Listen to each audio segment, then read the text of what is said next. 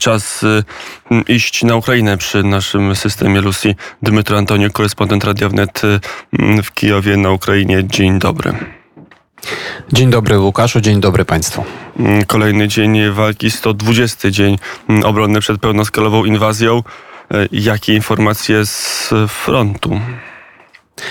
Najważniejsza e, sytuacja jest e, chyba na odcinku e, mm, frontu pod e, Lisyciańskiem i, i Siewierodonieckiem nadal w ostatnim tym mieście są, toczą się walki, ale wróg coraz, coraz bliżej podchodzi od strony południowej, już po innym, po tej stronie, gdzie znajduje się Lisyciańsk. Stąd podchodzi do samego Lisyciańska i um, będzie być może jemu łatwiej te, to miasto okupować. I o tym mówi też w amerykański Institute of the Studies, Studies of the War, że w najbliższych dniach być może wróg będzie mógł okupować Lisyciańsk. Natomiast, żeby zabrać w całości i Lisyciańsk, i Siewerdonieck, to na, na to jego też być może nie stać w najbliższych dniach. Ale e, faktem jest to, że wróg ma jednak niestety sukcesy na południe od Lisyciańska i to jest zagrożenie jak dla tego, e, jak dla tego e, miasta, tak i dla e, jednostek ukraińskich znajdujących się pod miejscowościami i broniących miejscowości Złote i Girskie na południe od Lisyciańska.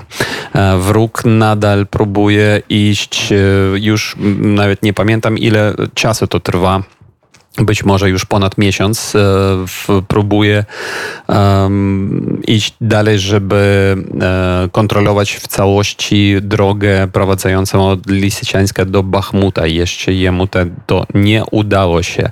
Natomiast on, e, Rosjanie przerzucili tam kolejne, kolejne dodatkowe jednostki, w tym pancerne, żeby jeszcze bardziej nacierać w tym kierunku i widocznie, żeby okupować w całości już e, obwód e, uchański.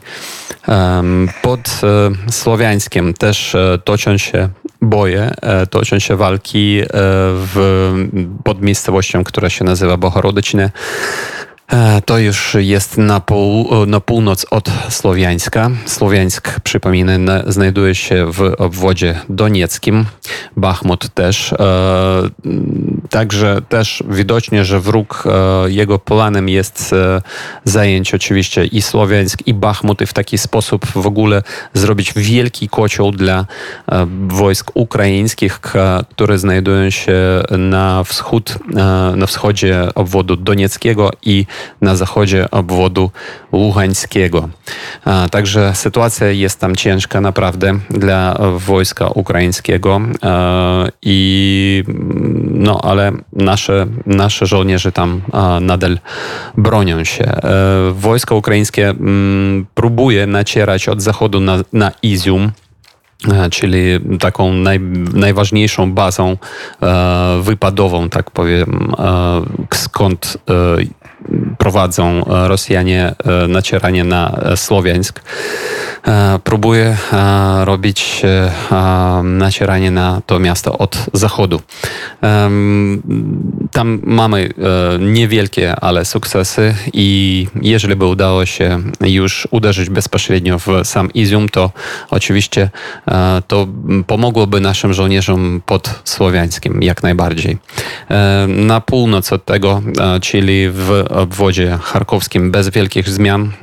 Toczą się nadal walki w, pod miejscowościami Rubiżne, Ternowe, które znajdują się za no, gdzieś 5-7 kilometrów od e, granicy, 10 kilometrów od granicy ukraińsko-rosyjskiej. I natomiast e, to jest zbyt blisko dlatego, żeby e, wróg mógł dalej ostrzeliwać Charków. Niestety w Charkowie mamy codziennie prawie, codziennie mamy ofiary wśród cywilów wobec ostrzału artyleryjskiego wroga na Charków.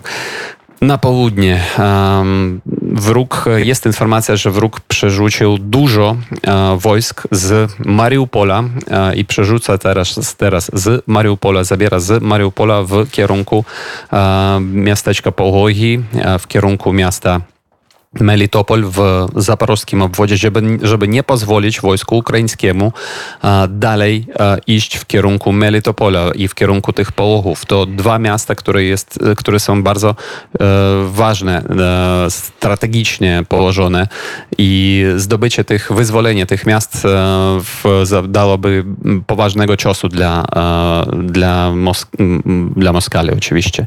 Także teraz przerzucają tam swoje posiłki. Te, E, mają podobno jakiś e, częściowy e, sukces w obwodzie mikołajowskim, gdzie a też przerzucili kolejne dodatkowe jednostki, żeby tam nie pozwalać, nie pozwalać Ukraińcom robić kontrnatarcie.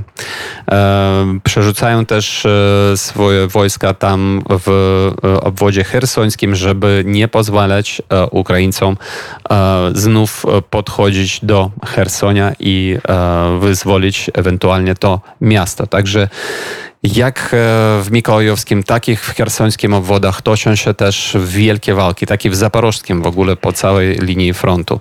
Natomiast e, jeżeli, jeżeli mm, chodzi o sukcesy Ukrainy, to kolejnego uderzenia e, awiacyjnego, a być może też z udziałem rakiet, wojsko ukraińskie zawdało dla wyspy Węży. Tam zniszczono kolejny sprzęt ciężki wroga i być może też e, zniszczono e, żołnierzy wroga. Także dla e, Rosjan bycie tam na tej, na tej wyspie no, jest takim samobójczym, tak powie, powiedziałbym. No taka jest sytuacja. Jeszcze dwa słowa pogłębmy, o tym trochę powiedziałeś, ale wczoraj w polskiej przestrzeni publicznej pojawiły się informacje, że wojska, Rosji, że wojska ukraińskie są już bardzo blisko, nawet w samym Chersoniu. Czy coś o tym możemy powiedzieć? Jak ta dokładnie mm, ofensywa ukraińska na, na odbicie tego mm, jedynego miasta obwodowego, które wpadło w ręce Rosjan, czyli Hersonia, przebiega. Nie, sprostuję tą informację. Niestety jeszcze nie, nie, nie, jest wojsko ukraińskie w samym Chersoniu. Jest oczywiście blisko. Z pozycji ukraińskiego wojska już widać bloki herson, hersońskie w północną dzielnicę tego miasta, ale jeszcze ukraińskie wojsko nie wszedło do tego miasta i no, czekamy oczywiście na to wszystko. Mm, jak ta mm, ofensywa się mm, będzie rozwijać, aż sytuacja w Donbasie jest y, trudna, a, a straty, o tym też trzeba powiedzieć dwa słowa, mm, bo od kilku tygodni mm, liczba mm, żołnierzy ukraińskich, która poległa albo została ciężko ranna, rośnie bardzo szybko i te straty w ostatnim czasie są y, bardzo poważne i, i niezwykle dotkliwe dla armii ukraińskiej. Tak jest. Od 100 do 200 e, żołnierzy my tracimy codziennie i to są ofiary, czyli już śmiertelne. To jest bardzo poważna liczba oczywiście. Mm, o czym mówił też prezydent e, Włodymir Załański. Nawet były takie informacje, że prezydent się interesuje, jak to wygląda z zabezpieczeniem tych żołnierzy, czy oni mają odpowiednie kamizelki, czy mają odpowiednie hełmy.